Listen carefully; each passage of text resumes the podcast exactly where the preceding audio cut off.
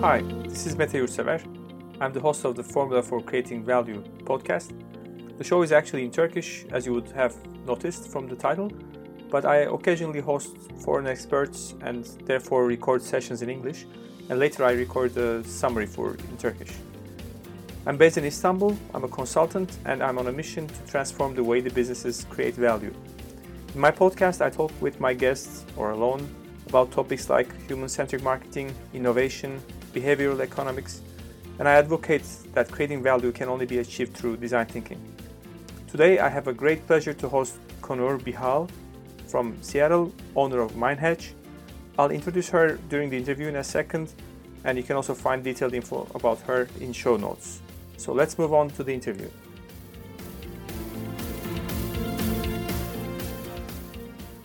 Konur, it's a great pleasure to have you in my podcast. And, thank you. Uh, so happy to be here. Thank you. So I'd like to make a quick introduction how our paths uh, crossed, right? So I was listening to a podcast where you were a guest, this uh, Sherpa's Guide to Innovation, and the conversation resonated with me a lot. I mean, I I've checked your website, my excitement grew further, and I decided to drop you a line saying that how your authentic style inspired me, and uh, I asked your recommendation for reading. Uh-huh. Uh, well, honestly, uh, you know, in podcast you were sounding like a kind, amiable person, but you never know. I mean, people will uh, answer or not. but so beyond my expectation, you said, "Why don't we have a chat and send me a couple of calendar options to pick from?" And uh, I was ecstatic, and uh, we had a very nice chat. That was back in March, and uh-huh. since then I started to read more about uh, improv. I, I couldn't find much about specifically improv, but I found out about this creative drama, and oh. I started uh, this long journey of certification. I'm in this. I finished the second, uh, let's say, semester, and um, I was starting this when I was starting this podcast show. I wanted to introduce you to Turkish business community, and I'm sure more people will get inspiration from you. Oh, well, thank you so much. Yeah, I, I hope so. I kind of invented my own job, as I think uh-huh. most entrepreneurs end up doing. So um, I'm forever an evangelist for what I do and the value it brings. So thank you so much for for wanting to chat. Thank you. So um, actually, you you I know you studied product design at Wharton School of Business, mm-hmm. uh, and but what was your major in New York University? Oh yeah, so I have a very varied uh, academic and career history. So actually, in uh, in college, my I graduated with a bachelor's of journalism, and I had uh-huh. two minors. One was politics, and one was cinema studies. Oh, um, okay. Throughout college, I actually wanted to work in the entertainment industry. Um, so, kind of doing broadcast journalism was a little bit of like a, a backup, uh, a backup for that. Um, mm-hmm. um, but uh, and then I went to graduate school um, where I studied international relations, and that kind of launched me into my first career, which was working in international uh, nonprofit development. Mm-hmm. Um, and so then the the product design course that I took at Wharton was many years later when I was first getting um, interested in design thinking, and I happened to be living in Washington D.C. and this was maybe gosh eight years ago, um, and there were literally no formal design thinking training programs within hundreds of miles of me where I was living. Uh-huh. And so um, I really, really um, took advantage of any kind of online courses I could take, anything that was self directed, um, gathered up groups on my own to like take classes together. Um, and so one of the most formative um, ones of those courses that I took was this product design course at Wharton, which was uh, done online, and it was just amazing. It just made me fall in love with what I do now. Mm-hmm. Great. So, mm-hmm. How do you describe what you do now? I mean, a consultant, a facilitator. yeah, gosh, I I feel like I have uh, endless conversations about what I call myself with also other consultants and other people like me. Where we're like, "What do you call yeah. yourself?" And um, so, so I think uh, I think consultant to me, uh, consultant to me is accurate in the sense that I I hope it conveys that um, you know I work with many different clients, you know, rather than just one. Mm-hmm. Um, but I think more often than not, I, I, call myself kind of like an innovation and creativity expert. So mm-hmm. um, sometimes the way I deliver that work looks like consulting. Sometimes it looks more like facilitation. Sometimes it looks more like training and kind of knowledge transfer. Um, but but yeah, I think the most generic way I call myself is a is a innovation and and creativity consultant. Okay, so we'll come to uh, all these details, but sure. uh, how it's occurred to you that uh, you can get use of your personal hobby, improv, uh, at work?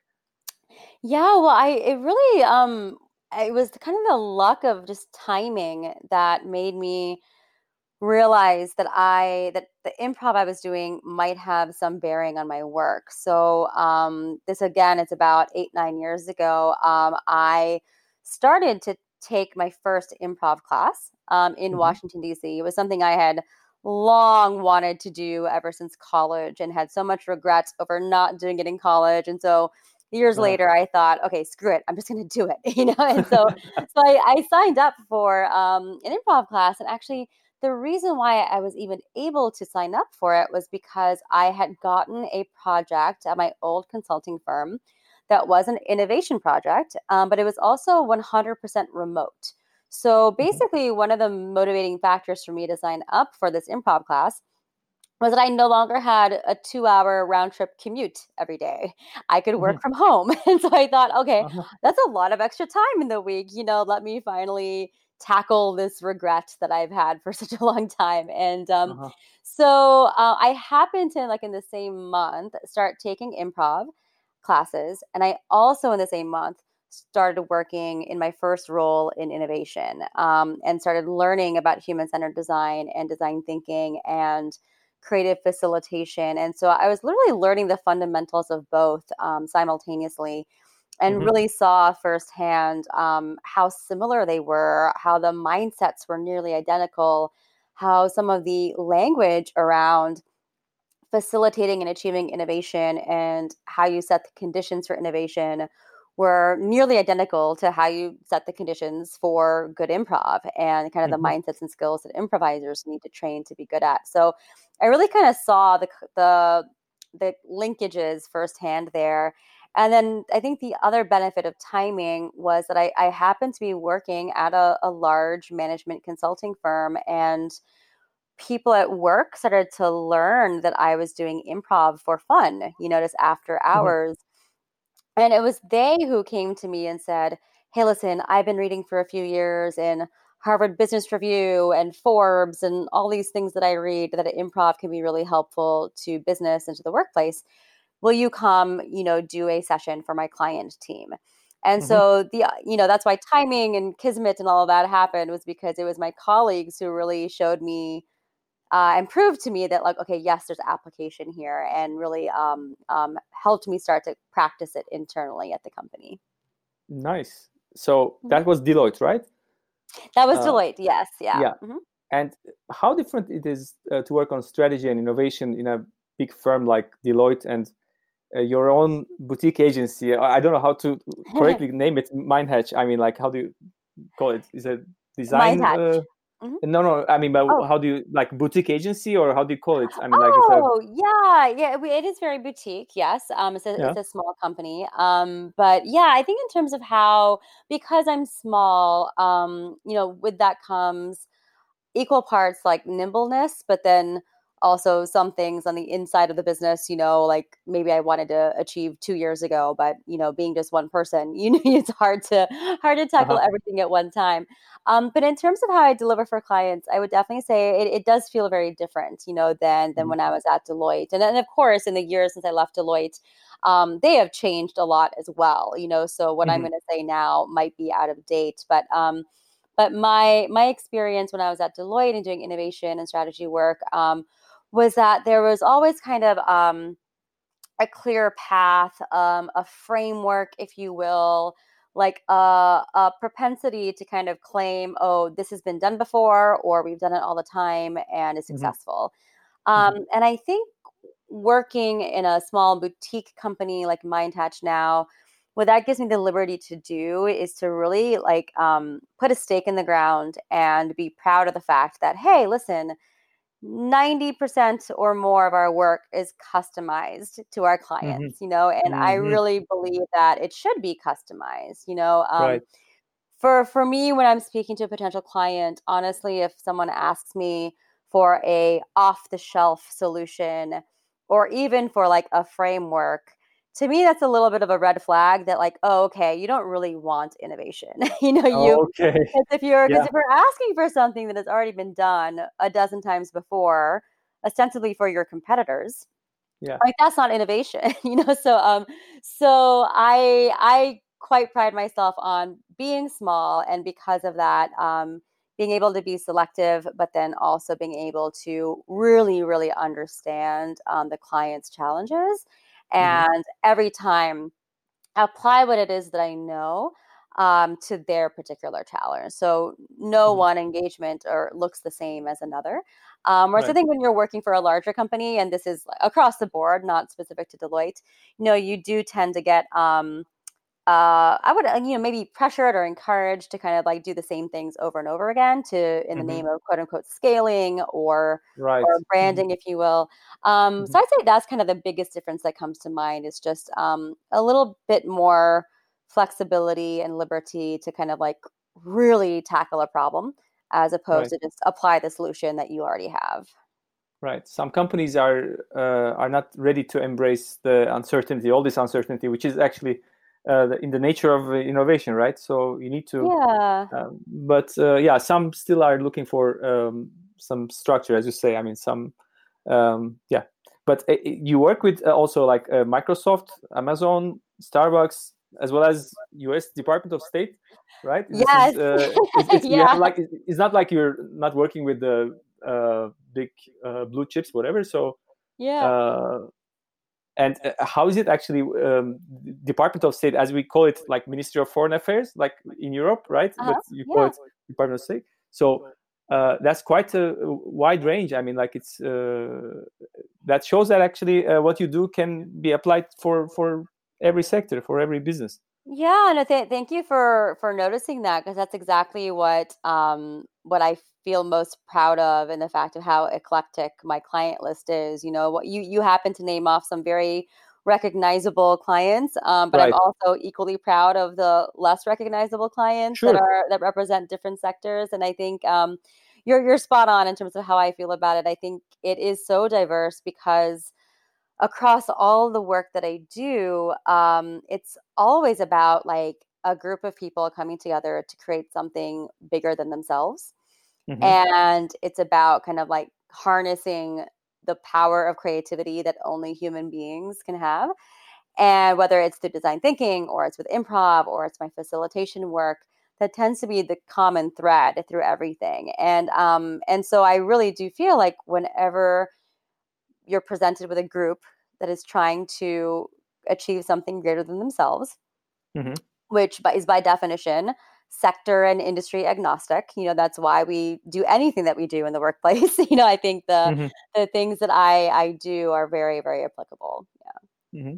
Great. So you you just mentioned actually your three major uh, line of activity, right? Uh-huh. The, the, design thinking, organizational improv, and the innovation facilitation. Yeah. So I'd like to begin with uh, the to focus on the first one, the third one, uh, design thinking and innovation facilitation. Uh-huh. In design thinking, I suppose you also facilitate sessions, right? And I do. Mm-hmm. Uh, and how do they differ from uh, innovation facilitation? Uh, because I think you also benefit from the design thinking um, principles in innovation. Yes, yeah, that's a really good question. So, um, you know, there are kind of two distinct kind of, you know, services or methodologies, like uh, in terms of how I present MindHatch. Um, because uh, when I'm doing design thinking work, um, you know, it's it even if I'm doing kind of consultative work, like say I'm working with a client for like three to six months, you know, and I'm helping them mm-hmm. execute, you know, uh, the process and do the customer research and develop concepts and so on. Even in consultative engagements like that, there are always um, needs for facilitating a group through something. So there might be milestone workshops or sessions like an ideation session or like a concept mm-hmm. development session mm-hmm. or mm-hmm. synthesizing the data you know and there's always some facilitative skill that is um, needed um, in that space and whenever i'm acting as a des- design strategist or design researcher or both you know um, that's often like my on my shoulders to kind of guide a group through those um, milestone moments in a mm-hmm. facilitated mm-hmm. way so i mm-hmm. think you know the facilitation skill I definitely use in all of my work. So um, right. and and design thinking work, of course, requires a lot of a lot of that facilitative kind of mindset and you know guiding your team along the way. Um, and then the innovation facilitation piece is a little bit more, um, I guess I could say specific, but like you know, the innovation facilitation piece um, can be delivered in the absence of a design thinking process. Uh-huh. So, for example, you know, um, this year I delivered uh, two ideation workshops for a client in North Carolina. Mm-hmm. And um, and that was their need. You know, they weren't working on human centered design. They weren't working on a design thinking process.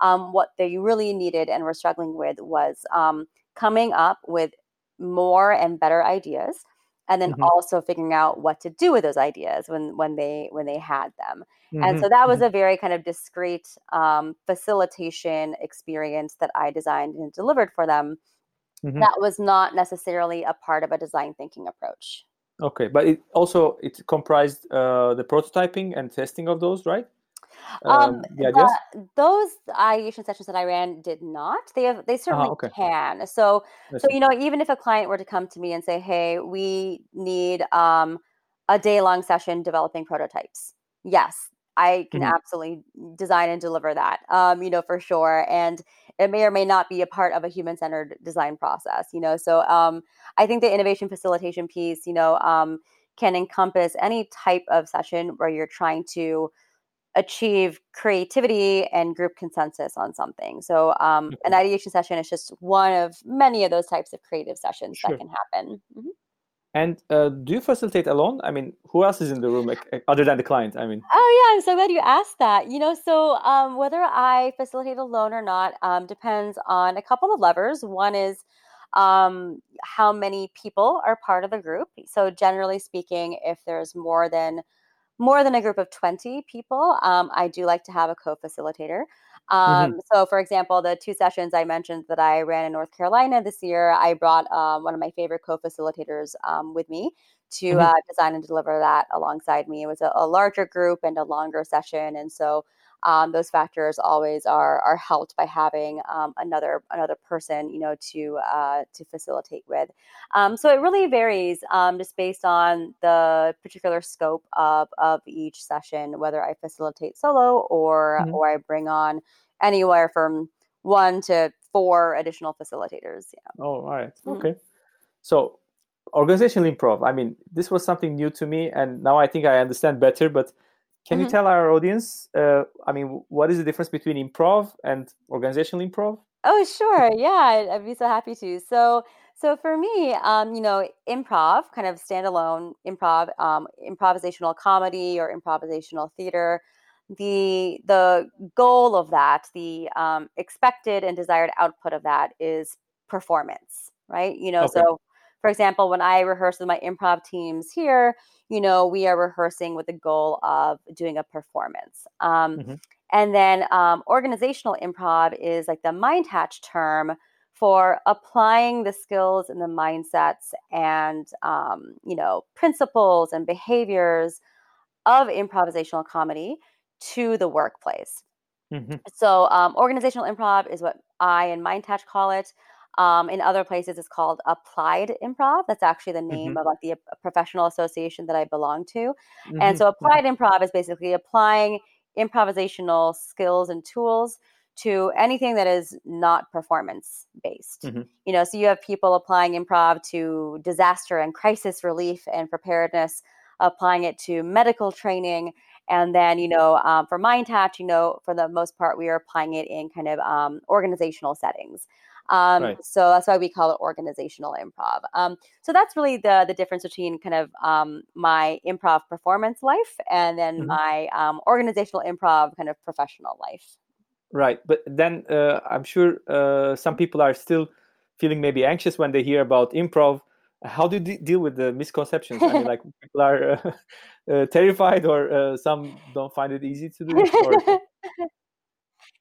Yeah, yeah, yeah. I think it's totally understandable that um, some people might be uh, terrified of it. I mean, to be honest with you, that was why I didn't take an improv class in college because I was scared of being okay. bad at it, you know, and yeah. um, but that that resulted in a lot of regret for me and later in my life, you know, and I'm so happy I got over it. Um, so I definitely come at it from like a very empathetic standpoint of like, yes, improv as a performance pursuit is hard, you know, like I remember um, when I once told my aunt about my improv performance, you mm-hmm. know, I told her, you know, well, we you know, my team gets on stage, we ask the audience for a one word suggestion, and based only on that suggestion, we do a 30 minute show where we're creating characters on the spot, we're creating mm-hmm. stories on the spot, and mm-hmm. it's all also happens to be funny.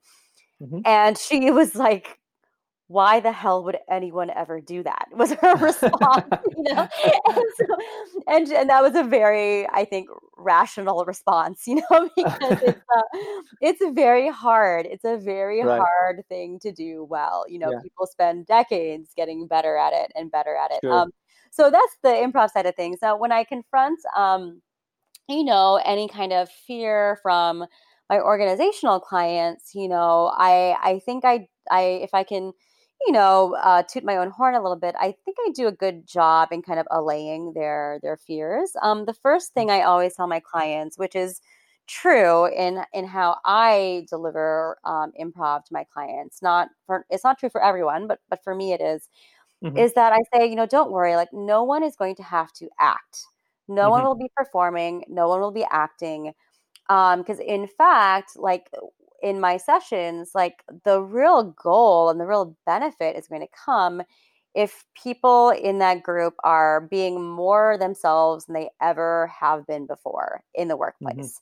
Mm-hmm. So they're bringing their true selves, they're being the most authentic, they're being vulnerable, right? They're right. being willing to fail and those kinds of things. So I really take special care to not force people into performing in my sessions because the goal is not to make, you know, your marketing team really good at improv performance. Like that is mm-hmm. not the goal. you know, like right. who cares if they can invent characters on the spot and make it funny, sure. right? Um, the real goal is like giving them that experiential um, quality that only improv can give and letting them try on some new behaviors, some new mindsets, and mm-hmm. really learn firsthand how beneficial they can be um, to their to their work. So it's mm-hmm. much more about the application of what we're doing um, to their day to day work and how they work together as a team, or what they mm-hmm. might be challenged by as individuals,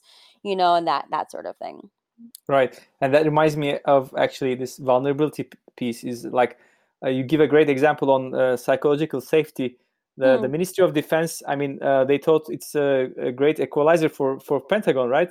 and uh-huh. the lady said uh, the sticky note doesn't know if uh, a two-star general or a private uh, yeah. all considerations are valid absolutely yeah and, and in fact i've done um, improv sessions for the pentagon and you wouldn't believe like talk about a diversity of a group you know i had people in fatigues in that room i had people who were office managers in that room I had people who were generals in that room, and improv is a huge, huge equalizer, right? Because exactly everyone is equal. Everyone knows zero amount of what's about to happen, you know. And uh, exactly. uh, yeah, yeah. So that yeah. I'm, uh, thanks for for picking out that quote. I, I read a lot of articles. I'd actually kind of forgotten about that anecdote. So thank you for reminding me.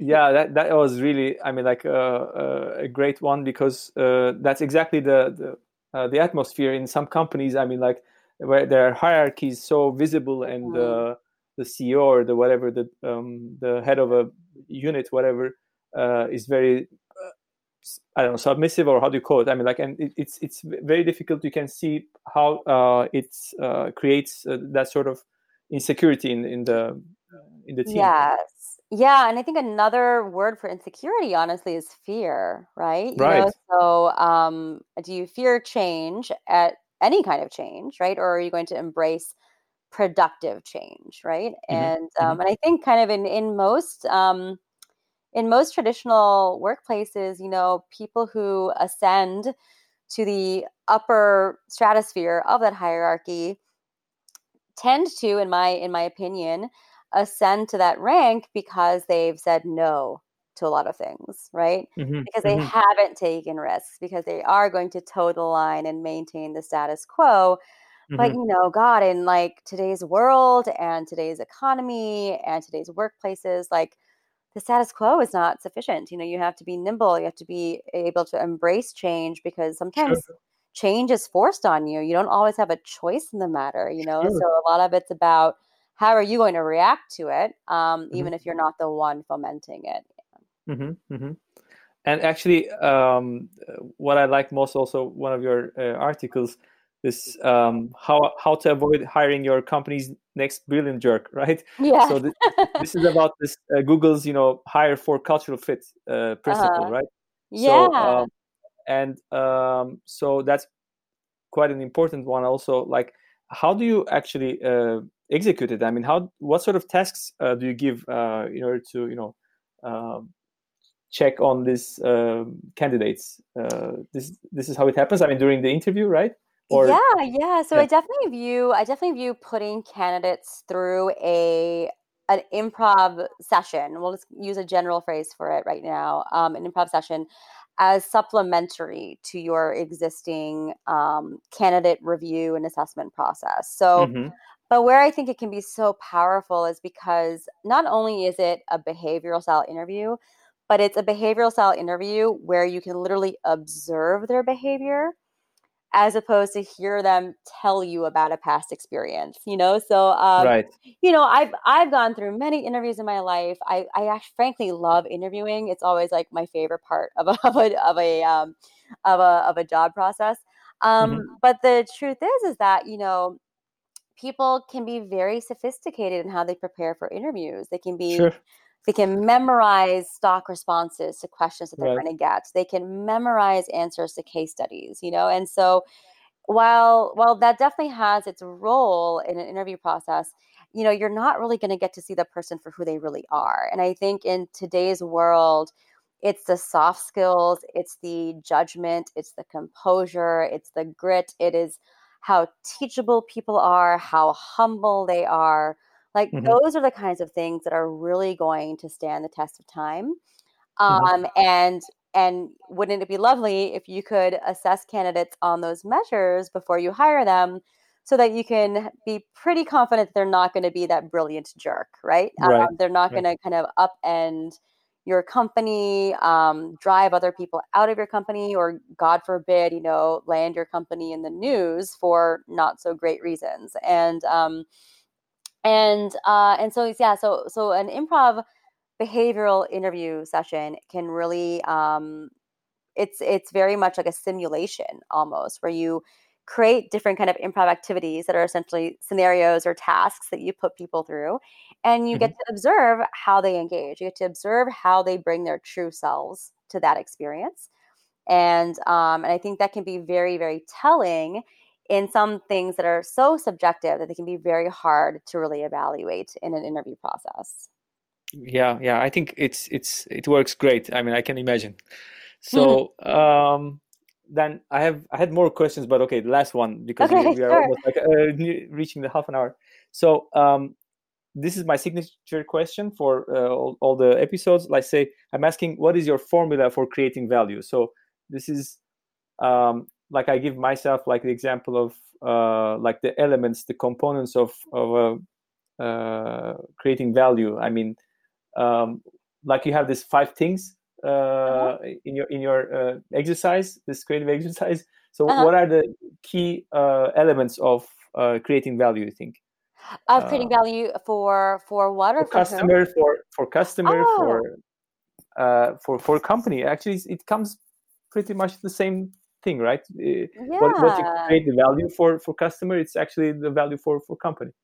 Yes, yeah, yeah, definitely. So I think um, that that is a wonderful and very big question. So I think um, Yeah. in terms of creating value, you know, I think you know because I'm a design thinking practitioner, you know, I my mind first goes to what are you solving for and who are you solving it for you know so hmm definitely always thinking about your customer and whether that is an internal customer a stakeholder or like an external customer who's buying your product there's a lot of different ways to define to define and conceive of customer but i think really you, that is the soil on which you're going to grow value, right? Um, if you mm-hmm. don't know your customer, if you don't take pains and effort to know them and understand them and want to serve them, then any value you create is going to be in a vacuum and mm-hmm. maybe wasted value, right? Um, right?